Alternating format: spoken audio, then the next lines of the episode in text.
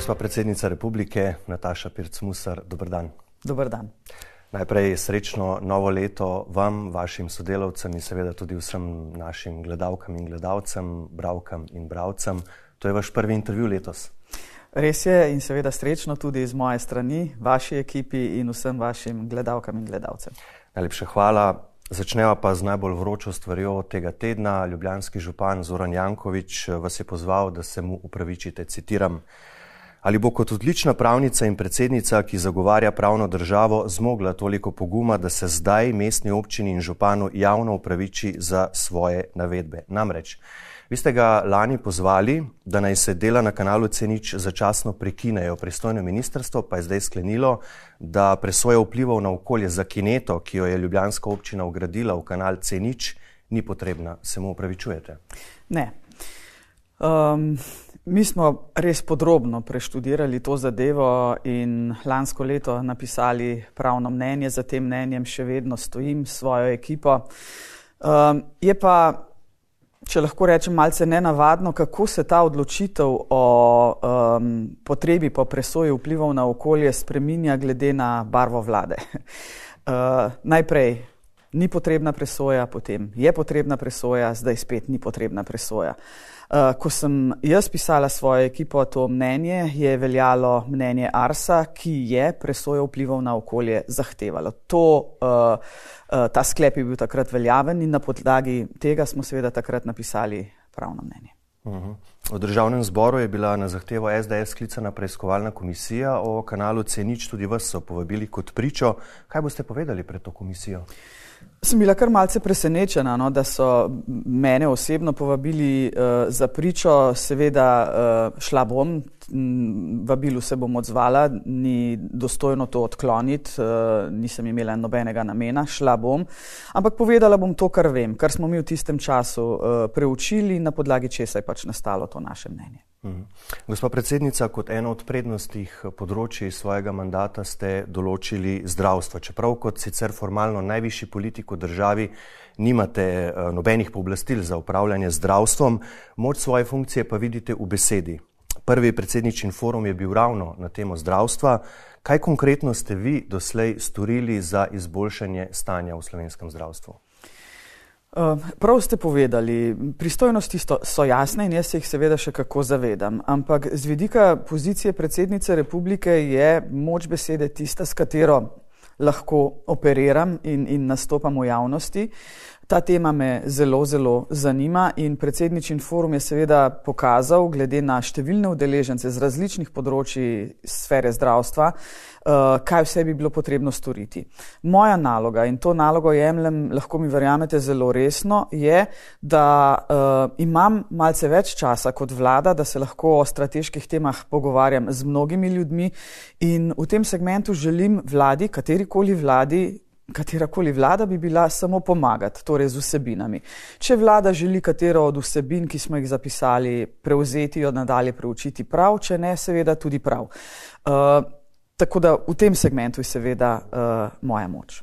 Eh, pa ste, ne, to je vsekakor pereča tema, to državljani čutijo vse bolj, vse več jih je brez osebnega zdravnika, čeprav smo nekako od vlade pričakovali prav nasprotno, tudi glede čakalnih dob se v bistvu v glavnem stanje ni izboljšalo. Ste torej vi na vlado poslali predloge, priporočila, je karkoli od tega že upoštevala?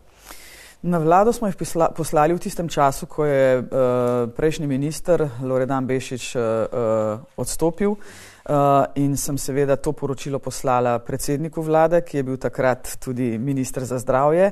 Smo pa poslali to sedaj tudi že uh, novi ministrici in ravno v teh uh, prihodnih dneh jo nameravam uh, povabiti na prvi sestanek, ni še bila tu v predsedniški palači in se pogovoriti z njo, m, slišati, kako ona razmišlja, kako bo zapeljala reformo in ji povedati, da sem pripravljena pri tem pomagati. Ampak težave se seveda še vedno kupičijo, zdravniki Drži. so zdaj spet stavkali, naslednji teden bodo morda spet v trenutku najnega pogovora, še v bistvu ne vemo, ali bodo ali ne, ker se pač vlada zdaj z njimi spet pogaja, medtem glas ljudstva, torej Jaša Enul, Dušan Keber in drugi, vlaga svoje zakone, organizirali so tudi drugo stavko pacijentov, pravijo, da zdravniki s tem, ko zahtevajo plače više od najvišjih politikov, tudi od vaše, izsiljujejo, da je stavka neutemeljena, nelegitimna, neetična. Vi ste se ob lanski stavki pacijentov javno odzvali, se boste tudi letos, kaj sporočate pacijentom in zdravnikom?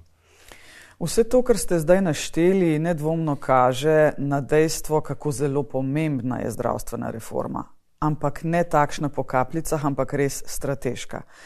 Spomnili se boste, gospod Orešnik, tudi mi dva smo v predvoljivni kampanji veliko krat stala si nasproti, ko ste uh, vodili razgovore v predvoljivni kampanji predsedniški, pogovarjali smo se o zdravstveni reformi in takrat sem povedala to in tako še vedno razmišljam, pri strateških reformah se mora vsaka vlada zavedati, da to ne bo končano v enem mandatu vlade. Zato tudi kot predsednica želim spremljati take reforme. Moja naloga je namreč, da ob naslednji vladi, katerakoli že bo, uh, povem, da je potrebno reformo nadaljevati, ne jo pa začeti z pozicije nič. Uh, plače zdravnikov, uh, pomankanje, zdrav, pomankanje zdravnikov, nezadovoljstvo pacijentov. Vse to se vleče od leta 1992 naprej, ko smo imeli prvo resno in edino zdravstveno reformo v Republiki Sloveniji, vse ostalo je bilo gašenje požarov. Um, veliko breme ima nova ministrica za zdravje, namreč leto in pol mandata je že minilo, leto in pol mrtvega teka um, in upam, da se bo te teme Ministrstvo za zdravje res lotilo strateško. Ampak prej ste rekli, ne, ne po kapljicah, strateško, ampak premije je zdaj rekel, ne, ne uporablja več izraza toliko reforma, kot ga je prej. Politika majhnih korakov zdaj pravi na področju zdravstva. Ne. A je to potem ne gre skupaj s tem, kar vi pravite? Zdaj, odvisen, kakšen bo ta majhen korak. Ko govorimo o strateških reformah, se tudi sama zavedam, da to ne gre vse naenkrat. Ampak, ko govorimo o strateški reformi, pomeni, da mora biti vsak korak predvidljiv in predviden vnaprej. O tem govorim. Če bo politika majhnih korakov takšna, da bomo naredili enega in pozabili na drugega in tretjega, potem to ne bo dobro. Uh -huh. uh, pravite, ne, v bistvu, da smo pri zdravstveni reformi leto in pol vrgli stran. Eh, kako sicer ocenjujete delo te vlade? Do nje ste bili večkrat kritični. Moja naloga je, da vidim gost in ne posameznega drevesa. Uh, splošno znano dejstvo je, da so reforme zastale, da si jih je vlada naložila morda v začetku preveč na svoja ramena. Tudi predsednik vlade je to spoznal. Uh, morda sem v enem umestnem trenutku um, bila najbolj nesrečna, ko se je govorilo po letu in pol o rekonstrukciji vlade. Lahko vam povem, da sem bila zelo vesela, da do te rekonstrukcije ni prišlo, kajti to bi spet pomenilo, da se vrže leto in pol dela stran. Ta vlada je vendarle naredila tudi nekaj dobrega. Večkrat sem jo pohvalila in jo bom tudi na tem mestu. Namreč ujma, ki je avgusta lani prizadela Slovenijo, je bil ogromen zalogaj za celoten javni sektor, za vse, ki sodelujejo pri popoplavni obnovi. Tu je vlada naredila um, dokaj hitre korake, predvsem smo lahko vsi skupaj zadovoljni, da smo kakovostno in hitro izpolnili obrazce, ki so potrebni za uh, nepovratna sredstva iz Evropske unije in potem seveda tudi vse obrazce, ki so potrebni za dokaj ugodna posojila za popoplavno obnovo. To teče. Morda so kakšni ljudje še nezadovoljni, ker pomoč pride prepočasi, ampak veliko denarja je bilo že izplačanega. Tudi sama, ko sem hodila po terenu, sem ljudem uh, razlagala o tej še kako pomembni triaži, namreč kdo mora priti najprej na vrsto, kdo bo moral malce počakati. In jaz mislim, da ljudje to razumejo. Zdaj pa prišel čas, ko popoplavna obnova seveda teče, tisti prvi koraki so bili narejeni in zdaj javnost in seveda tudi jaz od vlade pričakujem, da ne bo pozabila na ostale probleme, ki pestijo Republiko Slovenijo. Ja, vi ste pri poplavah opozarjali tudi na pomankljive registre rek in hudournikov, na to, da morajo prvi priti na vrsto tisti, ki so ostali brez domov oziroma čakajo, ali se bodo lahko na nje vrnili ali ne. Pri obnovi pa se vam je zdelo zelo pomembno tudi, nismo tako bogati, da bi gradili poceni. Um, zdaj je že več kot pet mesecev od teh poplav, vendarle je bolj pritisnila tudi zima. Uh, ali menite, omenili ste že ta finančna sredstva, ne, ki prihajajo v bistvu z vseh koncev in krajev, ali menite, da je dovolj nadzora, kam gredo ta uh, vsta denar? To pa je ena glavnih nalog vlade, če mene vprašate, ko govorimo o tako velikih zneskih, tukaj ne govorimo o eni, dveh milijardah, zna se zgoditi, da bo to tri, štiri milijarde uh, evrov, je najbolj pomembna transparentnost porabe denarja in seveda komunikacija porabe v zvezi z sredstvi, ki prihajajo. Um, ta komunikacija mora biti sprotna. Uh, in jaz upam, da bo vlada delala na ta način. Zdaj, ko bodo prišle te prve večje tranše denarja, uh, bo treba kar ugrizniti v to. Uh, upam, da ne kislo jabolko preglednosti porabe. Pa imate dostop do teh podatkov, ste se pozanimali morda, ali gre denar res tistim, ki so bili najbolj prizadeti? Ne, ne spremljam podrobno, kdo konkretno ta sredstva dobi, uh, veliko prebiram, ampak potem, kar zdaj sledim, uh, gre denar v tiste prave roke v tej prvi tranši. Kako sicer ocenjujete stanje v Sloveniji? Včasih je uh, bolj optimistično, včasih je malce pesimistično, ampak jaz vseeno verjamem, veste, da bo tudi ta vlada zavihala rokave, da bodo um, ljudem dali vedeti, da se zavedajo, zakaj so na teh pozicijah, tako kot se sama zavedam, da sem tukaj za Slovenijo in ne za koga drugega. Um, ta pesimizem je ena taka oscilacija. Ne? Včasih ga je manj, včasih ga je več, ampak na nas je, da komuniciramo in delamo tako, da bodo prebivalke in prebivalci, državljani in državljanke, slovenke in slovenci, uh, pomirjeni. Če se vrnemo k potezam vlade, vas njene zadnje poteze v bistvu navdajajo z zaupanjem. Recimo najnovejši primer. Ne? Kar dolgo smo čakali na novo ime na čelu kmetijskega resorja. Premijer je govoril o kandidatu Vojku Adamiču, češ kako dober je, vsi boste presenečeni, koliko ve, potem pa je čez noč menjal ime uh, in predlagal poslanko Svobode Matejo Čalušič, ki pa je imela ob kandidaturi in tudi leto in pol zatem navedeno napačno izobrazbo. Tudi jaz z zaskrbljenostjo in včasih tudi žalostjo spremljam, predvsem to, kako zelo hitro se menjajo ministri in kako majhen je bazen strokovnjakov, ki so še pripravljeni prevzeti ministerska mesta. To nas praktično mora skrbeti vse. Na teh najvišjih izvršilnih pozicijah bi morali biti vrhunski strokovnjaki z zelo visoko integriteto in pokončno hrbtenico. Ne bom se umešavala in se nisem v to, kdo bo minister in kdo ne. Želim si dobrega in kakovostnega sodelovanja z vsemi ministri in uh, jaz si resnično želim, no, da do konca mandata ne bi zamenjali nobenega ministra več.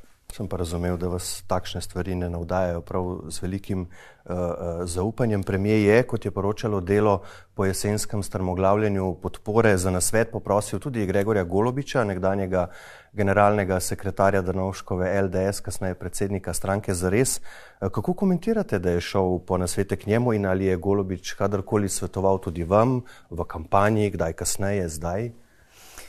Uh...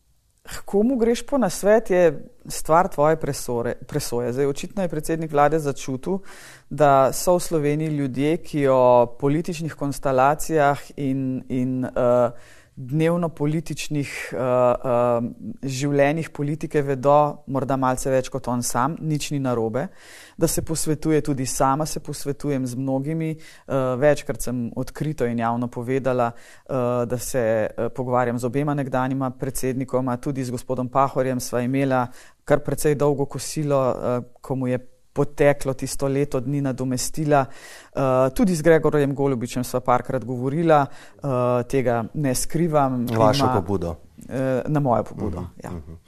Uh, odnosi med vami in predsednikom vlade so se medtem ohladili, o razlogih bova malce kasneje. Ste mu na zadnjem srečanju povedali vse to, kar govorite, torej o nujnosti reform, ki da so zastale, o izgubljenem letu in pol, o prvrnitvi zaupanja z izpolnitvijo obljub. Kako je to sprejel In ali ste zaznali pripravljenost, da kaj pri sebi in pri delu vlade tudi spremeni? A veste, da sem to pripravljenost zaznala? Mislim, da se sam zelo zaveda, kakšne napake je storil v zadnjem letu in pol. Vsi, ki delamo, vsi, ki veliko delamo, grešimo. Če se svojih napak zaveš, je to največ, kar lahko daš sebi in seveda tistim, ki si jim odgovoren za to, kar moraš uh, početi. Veliko smo se pogovarjali o odprtih zadevah. Um, kakšnih mojih razmišljanj seveda ne sprejme z naklonjenostjo, nič narobe. Um, sem mu pa povedala, da. Uh, nisem ne v njegovi stranki, ne v njegovi vladi, naj mi pustita prostor svojega lastnega razmisleka in da za vsako ceno in vedno uh, vlade podpirala ne bom. Kakšni pa so bili odnosi med vama, ko so bili na najnižji točki? Ni jih bilo. Sploh. Sploh. Kakšni pa so zdaj? Zadnji pogovor me je navdal z nekim uh, uh, upanjem, ravno v teh dneh spet usklajujeva nov uh mhm. -huh. termin. In, uh, Če vam čisto iskreno povem, mislim, da se morava oba zavedati, da skupaj lahko narediva mnogo več kot vsak sam. In bodo ta srečanja spet postala redna, se v tej smeri pogovarjati? Vse. Uh mhm, -huh. Vsak mesec, verjetno. Najmanj enkrat na mesec. Uh mhm. -huh. Se želiva srečevati. Vzrok za slabe odnose je sicer, to ste večkrat povedali, nekdanja notranja ministrica v njegovi vladi, Tatjana Bobnar, zdaj vaša svetovalka v uradu. Ne opredeljujete se do očitkov, ki jih je izrekla na račun goloba, torej politični pritiski in umešavanje v delo policije. Za vsem, kar je povedala, stoji, vi pa stojite za njo kot za svojo svetovalko. Primer je tudi že na KPK. Če ta ugotovi kršitev integritete pri premijeju, in to je v bistvu zelo kratko vprašanje, zda ali ne, ali bi moral odstopiti z položaja? Če me vprašate, da bom iskrena, kako se bo odločil, pa ne vem. Če ne bo odstopil, ga, ga boste kot stopu pozvali vi? Ni na meni. Poglejte, mislim, da bo javnost povedala svoje, ampak vseeno, dajmo počakati na izsledke KPK-ja. Uh, eh, in res je, kot ste rekli, jaz ta zadeva med, med uh, nekdanjo notranjo ministrico in predsednikom vlade je nastala daleč, preden sem jaz uh, nastopila svoj mandat. To ni moja zgodba, to ni zgodba urada predsednice in uh, ne bom se utikala v to zadevo med njima dvema. Ste pa najvišji politik v državi in tudi po, po vsakih parlamentarnih volitvah imate prvi pravico, da državnemu zboru predlagate predsednika vlade. In še vedno menite, torej, da ne boste in ustrajate, da ne boste predlagali oziroma ga poslali kot stopu, če KPK ugotovi, da je kršil integriteto? To je bolj stvar koalicije kot mene. Moja naloga bo potem ne, predlagati novega mandatarja, če se bo to zgodilo. Ampak še enkrat, zaupati je treba v pravno državo, v institucije pravne države, naj te opravijo svoje delo brez političnih pritiskov. Predsednik vlade se je vmes znašel v novem postopku KPK. Po ločitvi je namreč postal 100-odstotni lastnik podjetja Star Solar, ki že leta skoraj vse prihodke prejema od državnega Borzena, ima več sončnih elektrarn. Eh, od novembra 2014 je od Borzena to podjetje prejelo skoraj 2 milijona 150 tisoč evrov nakazil, od tega 14 tisoč evrov, odkar je lastnik že golob. Eh, pojastavlja se tudi vprašanje, o tem poročajo finance, ali je to podjetje plačalo vse davke, ki jih je moralo, kako je pač potekalo poslovanje. Tudi vi ste morali odgovarjati na takšno vprašanje že v času kampanje, še preden ste sploh zasedli to najvišjo politično funkcijo v državi. Pravniki sicer pravijo, da mu nič ne prepoveduje lasništva v podjetju, tudi če posluje le z državo, bi moralo biti po vaše prepovedano tudi to, ali bi se vsaj moral odpovedati temu lasništvu, vas to moti? Ne. Poglejte, ta pravila so jasna, odkar je Slovenija samostojna. In če želimo mi v političnem prostoru imeti kakovostne kadre, ki so v svojem življenju znali uspeti in delati tudi v gospodarstvu, so takšne rešitve popolnoma ustrezne in so zakonsko jasne. Uh, ni prepovedano imeti lastništva v podjetju. Uh, to, kar pravi zakon o preprečevanju korupcije in integriteti, je pa jasno pravilo. Takšna podjetja ne smejo poslovati z organom, kjer je funkcionar zaposlen. In mislim, da je takšna ureditev povsem ustrezna. Poteka opozorilni protest sodnikov, nekakšna bela stavka, uh, omejili so svoje delo na nujne zadeve, razlog pa neuresničena ustavna odločba ustavnega sodišča, ki je jasna. Sodniške plače, s tem tudi toživske, so preniske, rok vladi se je stekel prejšnji teden, ker odločbe ni uresničila, je sodniško društvo pravosodno ministrico in tudi premijeja pozvalo k odstopu. Vlada pravi, bomo uresničili, ampak ne moremo samo sodnikom, najprej dogovor z vsemi v javnem sektorju, brez parcialnih eh, dogovorov. Ali torej ministrica Švarc Pipan s tem sporoča, da vsakokratna vladajoča struktura ni zavezana k spoštovanju ustavnih odločb ali pa v tej situaciji vi razumete vlado? Ne, v tej situaciji prav nič ne razumem vlade in se mi zdi izjemno nedostojno in bom ponovila besedo, ki se je kar udomačila v tem slovenskem političnem prostoru in je moja, gre za pravno huliganstvo. To je dejstvo. In zelo, zelo nezadovoljna sem, da se uh, odločitev ustavnega sodišča ne spoštuje. Ta ni edina, ki se je ne spoštuje, uh, je pa zadnja. Uh, in rok, ki ga je postavilo ustavno sodišče v tej odločbi, je popolnoma jasen. To je bil 3. januar. Nobena vlada si ne more in ne sme privoščiti, da ne spoštuje odločitev katerega koli sodišča, uh, še najmanj pa ne ustavnega. Vsako odločbo, pa če se z njo še tako ne strinjamo, ki je pravnomočna, vsako sodbo, ki je pravnomočna, je potrebno spoštovati do zadnje črke in pike v tej odločbi. Zato na tem mestu pozivam vlado naj to odločbo ustavnega sodišča res čim prej izvrši. Gre za vladavino prava, gre za temelj demokracije, spoštovati odločbe sodišč in uh, upam, da bo vlada to čim hitreje izvedla. Glede na to, da govorite o pravnem huliganstvu, morata torej zaradi nespoštovanja ustavne odločbe odstopiti pravosodna ministrica in premije? Ne, nisem pristaš tega, da bi se za vsako stvar pozivali ljudi naj uh, odstopajo. Naj pa bo razmislek veliko bolj tehten, kakšen signal se daje ne samo politikom, ampak tudi državljanom, da se odločitev sodišč ne spoštuje. To je najslabše, kar se lahko v državi zgodi. Ampak ob enem ste pa rekli v enem od prednovoletnih intervjujev za dnevnik, da se o plačah v javni upravi vlada dovolj trdo pogaja in da ima jasno vizijo, kako jih urediti. Treba je ločiti to ustavno odločbo, ki govori samo o izenačitvi eh, položaja funkcionarjev, kar sodniki so. Plačna reforma, ki je pa tudi nujno potrebna v javnem sektorju, je pa seveda drugi tir te zgodbe. Ne. Zadnjo plačno reformo smo imeli leta 2007 in nedvomno je napočil čas, da tudi tu zadeve popravimo in jih naredimo bolj pravične. Od takrat se je nabralo veliko anomalij. Uh, na Ministrstvo za javno upravo ste poslali dopis oziroma vaš generalni sekretar Uroš Krek je ministrstvo povprašal o resnični ustavni skladnosti drugega odstavka 23. člena ja. zakona o sistemu plač v javnem sektorju, ki pravi, da funkcionarjem, med njimi tudi predsednici republike, ne pripadajo dodatki, razen dodatka za delovno dobo. Predlagali ste torej, da bi vsi funkcionari morali imeti enako možnost prejemati vse dodatke. Primerljivost, to je za vas ključno. In poštenost pri vsem skupaj. Obenem ste zanikali, da ste nezadovoljni s svojo plačo, pa vendar bi, če bi bil ta predlog upoštevan, imeli više izplačilo. Pa tudi vaši sodelavci in še kdo. Še vedno ustrajate pri tem predlogu, čeprav je bil zavrnjen? S tem predlogom smo želeli opozoriti samo na to strašno um, pa mirno lahko rečem, sračje gnezdo dodatkov v javnem sektorju.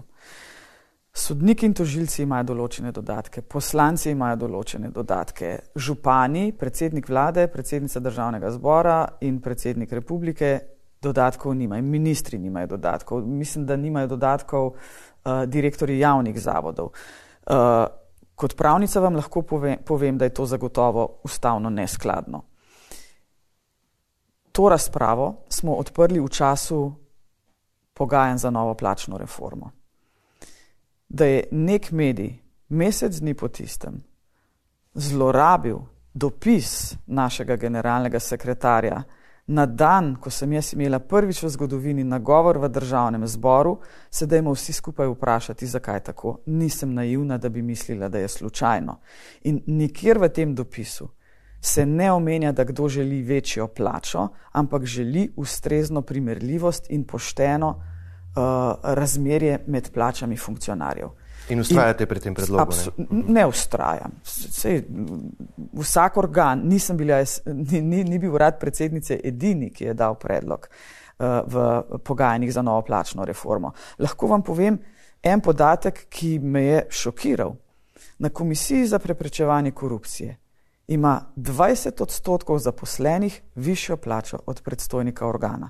In o teh anomalijah uh, je potrebno spregovoriti in je potrebno uh, zadeve znotraj urajanja nove plačne reforme uh, urediti. Bi pa imeli, če bi se to tako uredilo, dejansko više izplačilo na koncu? Seveda, sej, uh, ja, da. ampak uh, vsi imajo pravice do dodatkov, razen določenih funkcionarjev. Se tudi vi verjetno dobite izplačane nadure dodatek na ne vem, kaj ga pač imate. Ampak to je v delovno-pravnem smislu edino prav in pošteno. Kot tudi določa zakonodaja, sami ste rekli, ne, in vi oziroma vaš urad ste takrat zapisali, da se vam zdi zanimivo, da ministrstvo na dopis ni odgovorilo, sploh ministrstvo za javno upravo, da se je pa znašel v medijih ravno na dan, to ste rekli, vašega nagovora ja. državnemu zboru. In v tistem uh, zapisu ste omenjali tudi diskreditacijo. A vi s tem trdite, da je medijem dopis poslala vlada zato, da bi vas diskreditirala? Na to vprašanje si lahko odgovorite kar sami. Ampak mislim, ne, ne da dovolj, mislim, da dovolj dobro poznate medijsko sceno in uh, to je nekaj, kar me pravzaprav tudi malce skrbi v naši državi, kako mediji in na levi in na desni strani postajajo nek instrument in uh, orodje politike. Mislim, da je čas, da se tudi mediji ozreto ogledalo, pa ne govorimo o vas, o vašem mediju, uh, ampak uh, Mediji ste v tem segmentu lahko tudi del problema, ampak mislim, da je treba gledati bolj v drugo smer, da mediji lahko postanete tudi del rešitve. Da bo politična klima, gospodarska klima, klima med ljudmi drugačna, boljša. Je pa tisti vaš odziv letel na vlado, to pa je ne? Uh, letel je na konkretne ljudi, ki to v zadju počnejo. Kdo pa so ti konkretni ljudje, gospa predsednica? Lahko boste tudi vi, kot prejšnji predsednik, ne. govorili o nekih ljudeh v ozadju, ne boste jih pa imenovali? Sveda jih ne bom. Uh mhm. -huh. Zakaj pa ne? Mislim, da jih tudi vi dobro poznate. Pred volitvami ste rekli, da vaš soprog, če boste izvoljeni, ne bo prejemal mesečnega nadomestila. Zdaj pa ga prejema, kot pravite, za stroške, ki jih ima zaradi upravljanja protokolarnih in drugih družabnih obveznosti. To znaša okoli 850 evrov mesečno. Zakaj ste si premislili? Nisem si premislila, vi ste narobe razumeli. Jaz sem v predvoljivni kampanji govorila, da moj mož ne bo zaposlen na uradu predsednice, namreč obe možnosti obstajata. Da je zaposlen uh, ali da dobiva zgolj to nadomestilo. In uh, zaposlen ni, nadomestilo pa prejema. Zdaj vam bom prebral vprašanje žurnala 24, ki ste ga dobili pred volitvami. Vprašali so vas, kakšen status bo imel vaš mož Aleš Šmusar, če postanete predsednica in ali bo prejemal nadomestilo za kritje stroškov. Odgovorili ste, citiram, Aleš ne bo prejemal mesečnega nadomestila, ker bo tudi v primeru moje izvolitve normalno upravljal svoje službene obveznosti. To drži, ampak po vprašanju ste bili o nadomestilu za kritje stroškov in tega pa prejema. Me, imela sem v mislih plačo. -huh. Zagotovo. In tudi iz odgovora lahko vidite, da bo normalno zaposlen v svojem podjetju in upravljal svoje delo tam. Torej, niste, raz, niste razumeli v bistvu pravilno vprašanje? Mogoče.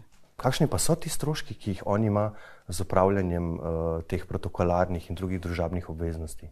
Različni. Uh, zdaj gre za uh, potne stroške, gre za paušal. Sej, uh, to uh, je jasno, da to pokriva vem, od kosil s kakšnimi eh, soprogami veleposlanikov, recimo um, iz tega denarja je uh, precej stvari doniral, uh, v Slovenijo je pripeljal terapevtske mačke, ki so nek uh, res lep, lep uh, izum za um, lajšanje tegob dementnih ljudi, štiri je že pripeljal. Uh, A to mora on plačati, mačke? On jih je plačal, seveda. Aha, ja, ja, ja. Kakšni so pa to stroški? Ne, ampak v lanskem letu je zagotovo več kot 10 tisoč evrov uh, doniral v različne namene. Ampak na načelni ravni, ne, gospa predsednica, predvsej premožna sta, ali res potrebuje teh 850 evrov na mesec? Gospod Orešnik, ne gre za to, ali je nekdo premožen ali ne. Kot je nekdo zapisal na Facebooku, ali na tej poziciji želite kralja ulice, pa vso dožnost spoštovanja do kralja ulice.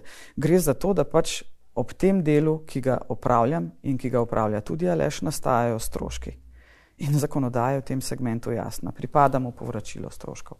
Ko smo že pri prvih damah, uh, za večer ste rekli, da je Tina Gabr šele tretja dama po rangu, druga dama bi bil partner ali soprog Urške Klakočar Zopančič kot predsednice državnega zbora, vaš soprog pa da je v bistvu prva dama. Ne?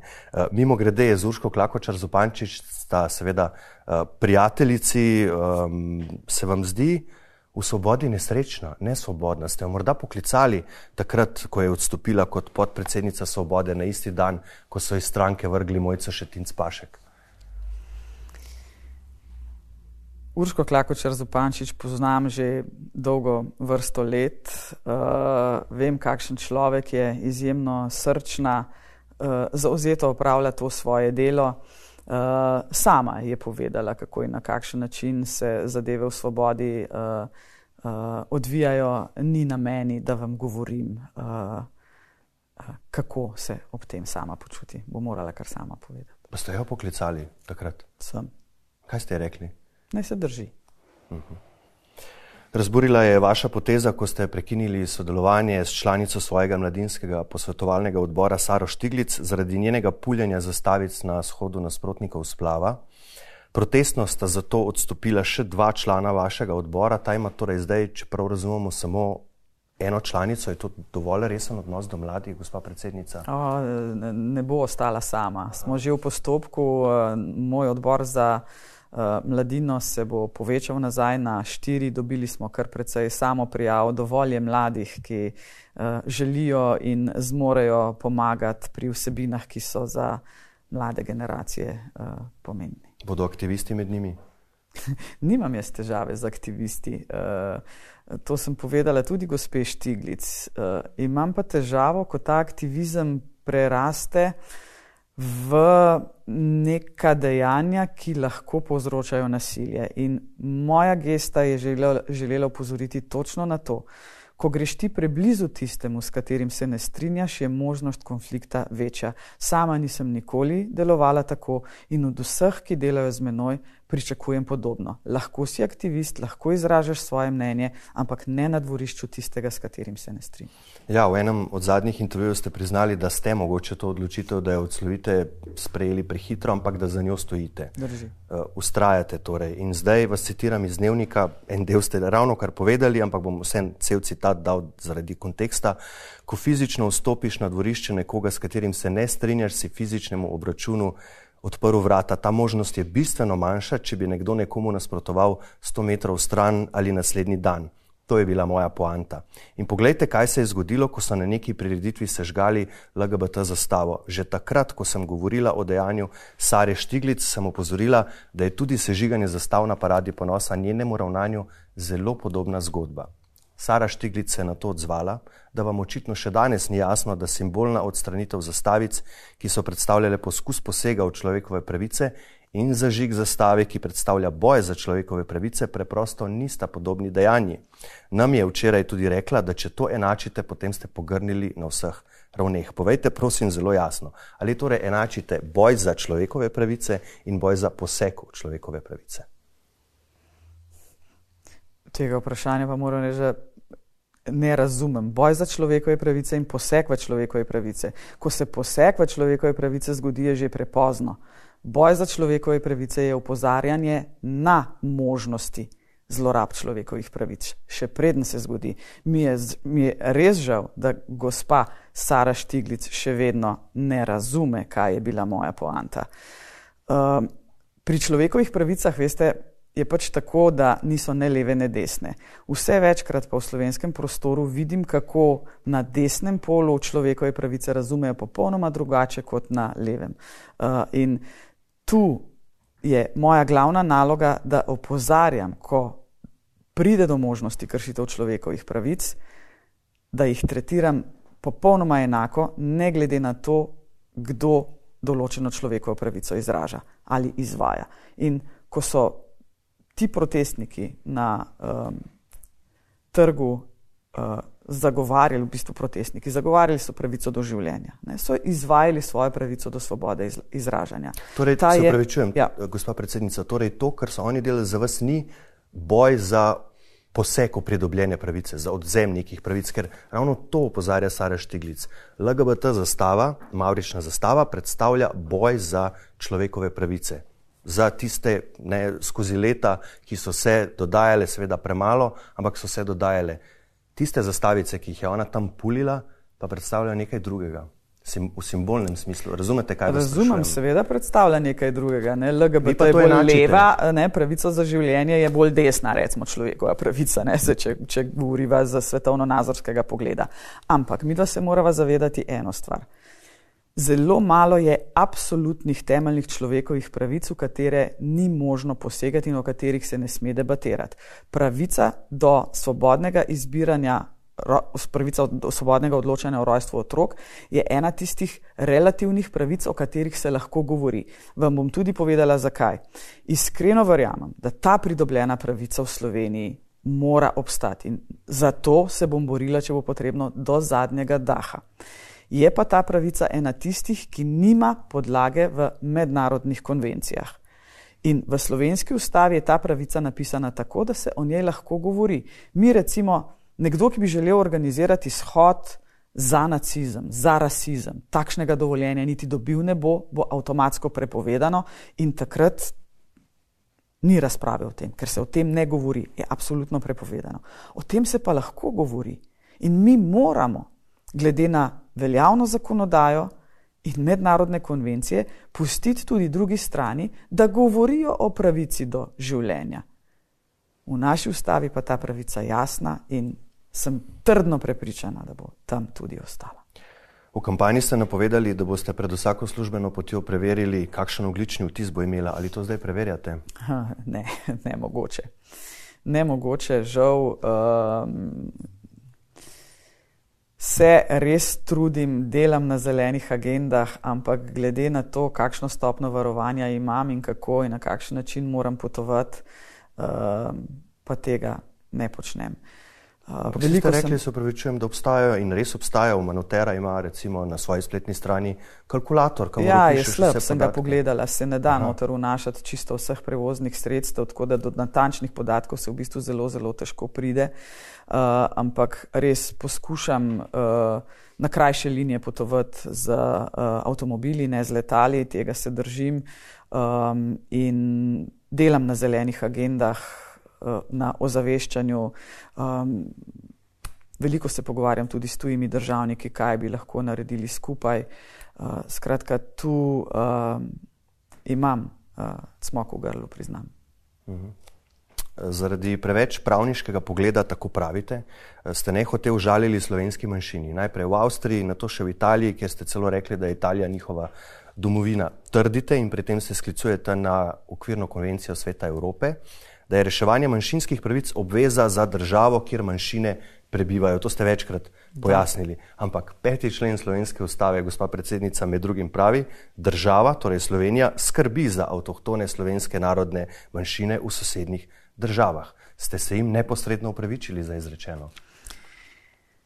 To, da država skrbi za avtohtone skupnosti, je uh, seveda vse lepo in prav. In prav je tudi, da Slovenija pomaga, kolikor lahko. Ampak mednarodna konvencija je v tem pogledu jasna. Manjšina se mora za svoje pravice boriti v državi, kjer prebiva. In to je bila moja poanta. Lahko pa še enkrat na tem mestu povem. Ja, moja napaka je bila, da sem rekla, domovina morala bi reči država. In ste se jim zato tudi neposredno upravičili? Smo se pogovarjali uh -huh. potem in uh, smo uh, zgladili vse nesporazume. In ste se upravičili? So razumeli, kaj sem želela reči. Uh -huh, uh -huh. Včeraj ste kot vrhovna poveljnica slovenske vojske skupaj z obramnim ministrom in z načelnikom generalštaba slovenske vojske nagovorili pripadnike na misijah uh, v tujini. V kakšnem stanju je slovenska vojska trenutno? Vemo, da so bila poročila, ki jih je iz leta v leto predstavljal prejšnji predsednik Borod Pahor, bom rekel tako, iz, leto, iz leta v leto slabša potem se je na neki točki zdelo, da se je trend začel obračati. Kaj pravite vi? Par mesecev je še do, do tega, ko boste vi predstavili to poročilo, se zdaj vendarle obrača na bolje. Kaj lahko rečete? Zagotovo se obrača na bolje in zasluga gre seveda uh, kar precejšnji boljši uh, opremljenosti slovenske vojske. Um, moramo se zavedati, da so znotraj NATO kjer Slovenija seveda je, letos bomo praznovali 20-letnico vstopa v zavezništvo, precej jasna pravila, ne, kako in na kakšen način vsaka država mora prispevati k kolektivni uh, obrambi. Uh, mi sicer še vedno ne dosegamo dveh odstotkov bruto domačega proizvoda, se približujemo tej številki. Uh, zaveze parlamenta in vlade so, da bo ulaganje v slovensko vojsko v prihodnosti še več. Uh, in letošnje poročilo, sem prepričana, bo spet, vsaj upam, da bolj spodbudno, kot je bilo tisto lani, zagotovo pa boljše od tistih pred leti. Mhm. Pravite, da vrhovna poveljnica zveni lepo, ampak ko pogledaš njene pristojnosti, pa je določba kot prazen list papirja. Kaj konkretno si vi želite, da bi na tem listu pisalo? Kakšne pristojnosti si želite kot vrhovna poveljnica slovenske vojske? Nisem sploh razmišljala o tem, da bi si želela kakšnih večjih, eh, večjih ali več pristojnosti, zagotovo pa je dejstvo, da jih danes ni. Se malce povečajo v primeru vojne, ampak eh, lepo prosim, ne, do tega uh, upam, da nikoli ne bo prišlo. Uh, Z velikim veseljem spremljam, kaj se v vojski dogaja, poskušam pomagati po svojih najboljših močeh, da se spromovira ta plemenit poklic vojaka. Še vedno je vojakov in vojakin premalo, precej delovnih mest je na voljo v slovenski vojski. Vsakokrat me izjemno, izjemno lepo sprejmejo. In to je to. Če bo kdaj odprt zakon o obrambi, za nje potrebna dvotretinska večina, se bomo seveda uh, usedli, razmislili, ali je na tem področju pristojnosti premalo, ampak zaenkrat ne čutim prav nobene uh, potrebe, da bi pristojnosti imela uh, več. Uh, si jih pa želim več kot predsednica republike na civilnem področju. To pa da pa ne zaradi mene osebno, ampak zaradi tega, ker je tudi uh, na civilnem, če lahko temu tako rečem, področju, so te pristojnosti uh, zelo, zelo uh, okleščene. Kaj pa konkretno? Videl sem, da ste v bistvu omenjali, da uh, v bistvu bi morali imeti pristojnosti imenovanja funkcionarjev, v resnici jih pa večinoma, razen senata KPK, predlagate pa jih potem pač potrdi državni zbor ali kako drugače.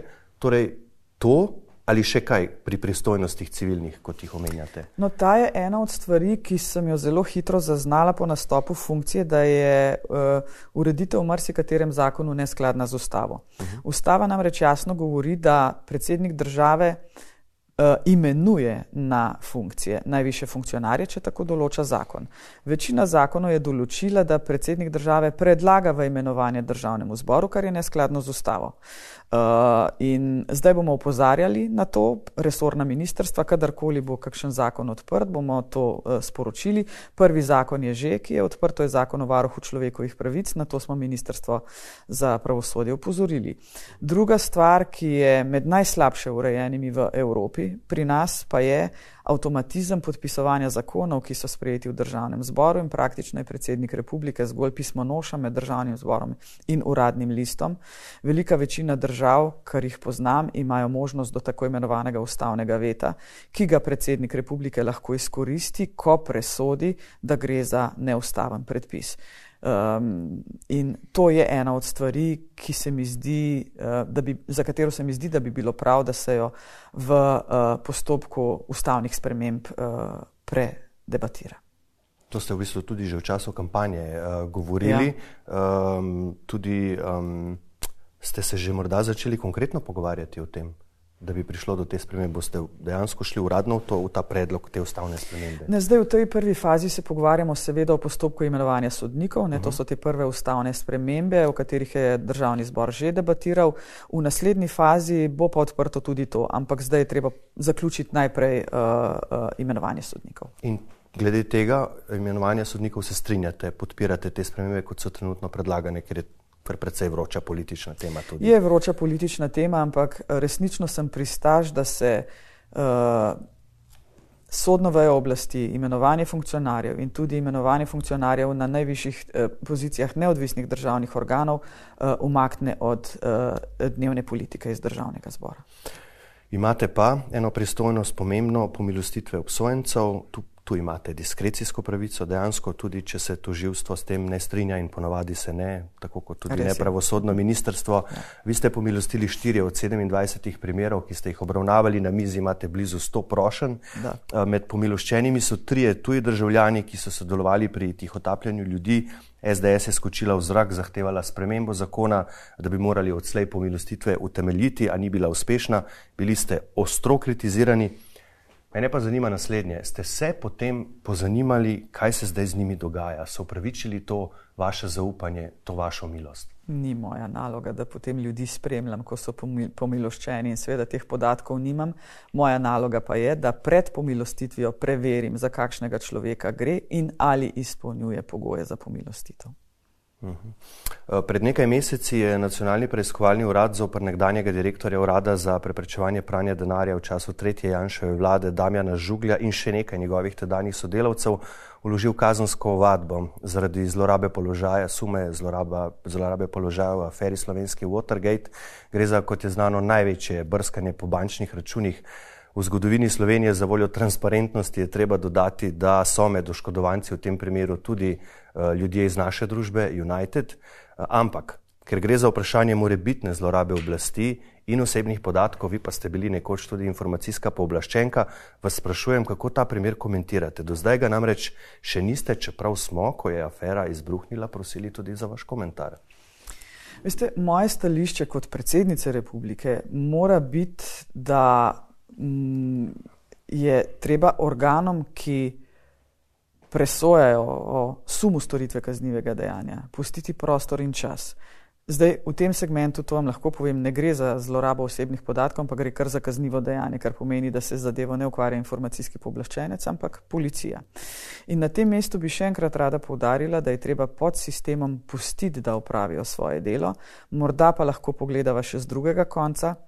Apeliram na vso politiko in na vsakega politika, naj se podsistemov ne uporablja in zlorablja za politične agende. To je pa tisto, kar bo pokazalo na zrelost vsakokratne politike in na zrelost seveda tudi tistih, ki delajo v teh državnih organih, vse na, na obeh koncih. Če je politika prosila in je nekdo na drugi uh, strani to izvršil, sta imela oba roko v istem kozarcu marmelade. Slovenija je pravkar nastopila mandatne stalne članice Varnostnega sveta Združenih narodov. Ne moremo postati geostrateška sila, pravite, premoremo pa glas razuma, ki ga zdaj lahko s pridom izkoristimo. Kako konkretno, ker a se vam res zdi, da smo doslej v mednarodni skupnosti dajali dovolj močna sporočila, da izstopamo s svojimi dejanji, da smo lahko zgled in da resnično spreminjamo stvari ne samo v nekih načelnih mnenjih, obsodbah in besedah? Veste, ko smo kandidirali za mesto nestalne članice v Varnostnem svetu, so bile to ene mojih prvih nalog, ko sem prevzela funkcijo eh, predsednice republike. Z največjim veseljem sem se lotila tega projekta um, in lahko vam povem, da Slovenija uživa velik ugled v mednarodni javnosti. Uh, predvsem sta uh, dva faktorja bila izrazito pomembna. Slovenija nikoli nima nekih skritih agent, to nam priznavajo vsi ko gremo v neko eh, mednarodno politično areno, eh, zagovarjamo stvari, ki jih zagovarjamo zaradi tega, ker resnično tako mislimo in ker verjamemo v vrednote, ki jih zagovarjamo. Uh, kar se tiče globalnega juga, je bila pa ena velika dodana vrednost Slovenije, seveda ta, da nimamo kolonialne preteklosti. Mrsikatera afriška država, kakšni evropski državi, uh, kolonializem seveda zameri, Slovenija nikoli ni bila uh, uh, del teh držav, ki so bile kolonialne. Um, zdaj bo treba seveda v varnostnem svetu um, delati, garati. Zdaj bo treba biti bistveno bolj konkreten, kot zgolj govoriti o tem, kako zagovarjamo to ali drugo pravico ali to ali drugo pravo, ampak bo treba pokazati inovativne rešitve, kako v tem polariziranem svetu in v varnostnem svetu, kjer se v odločenih po mizi ropota z vetom, najti prave in primerne rešitve. Mi imamo v New Yorku vrhunske diplomate, jaz verjamem, da bodo znali poiskati rešitve in znali morda tudi povrniti ugled, ki si ga ta multilateralna organizacija uh, zasluži. Je edina, ki jo imamo. in na tem je treba delati. Imamo veliko somišljenikov po svetu, 153 držav nas je podprlo in zdaj bo treba to podporo uh, upravičiti.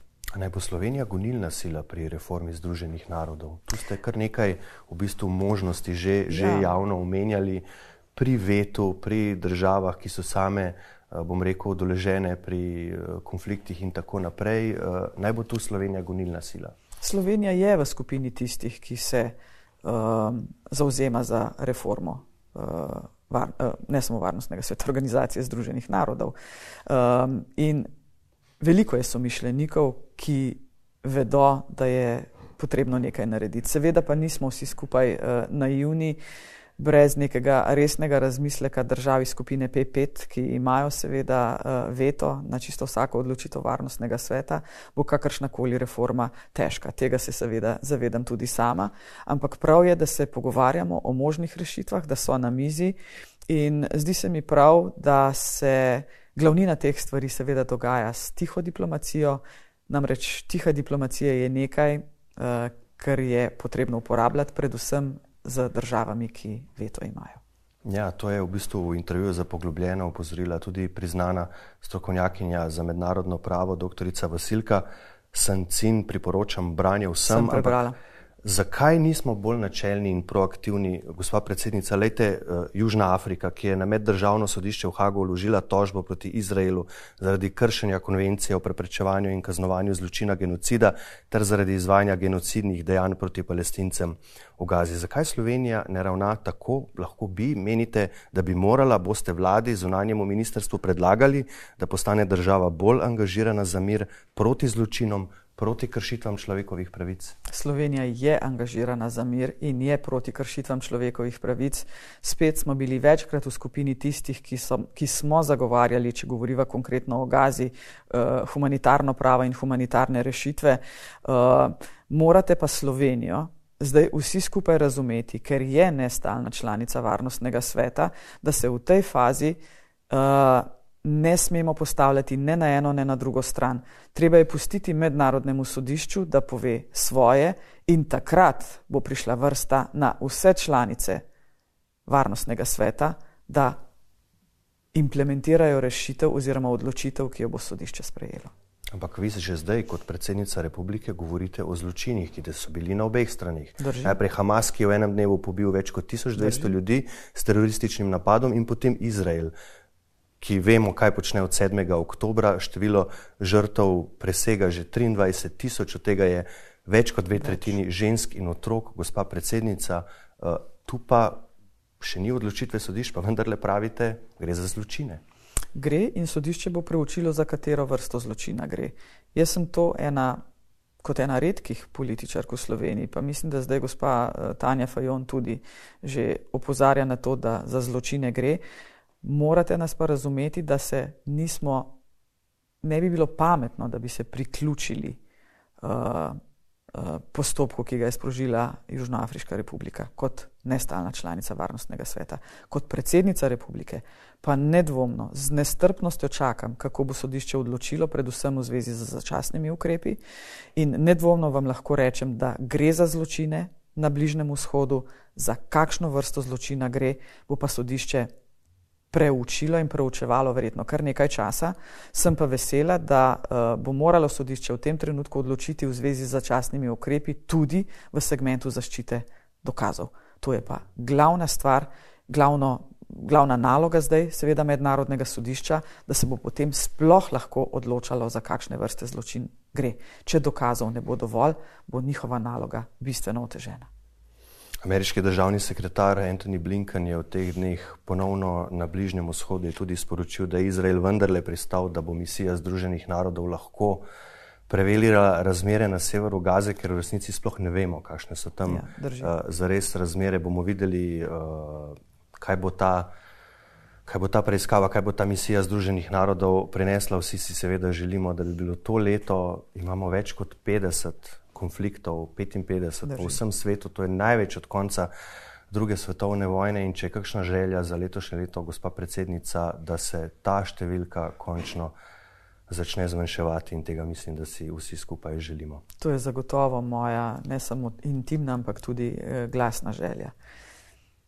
Ni prav, da je toliko otrok oropanih svojega otroštva, ni prav, da toliko civilistov umira v teh spopadih, 55 pravilno ste uh, povedali. In uh, zelo, zelo vesela in srečna bom, če bomo v tem letu končali vsaj kakšnega od teh 55 konfliktov, tudi s pomočjo Slovenije v varnostnem svetu. Zelo vesela bom. In s to lepo željo bova zaključila ta pogovor. Najlepša hvala za vse vaše odgovore, za vaš čas in seveda uspešno delo tudi v tem letu. Hvala lepa.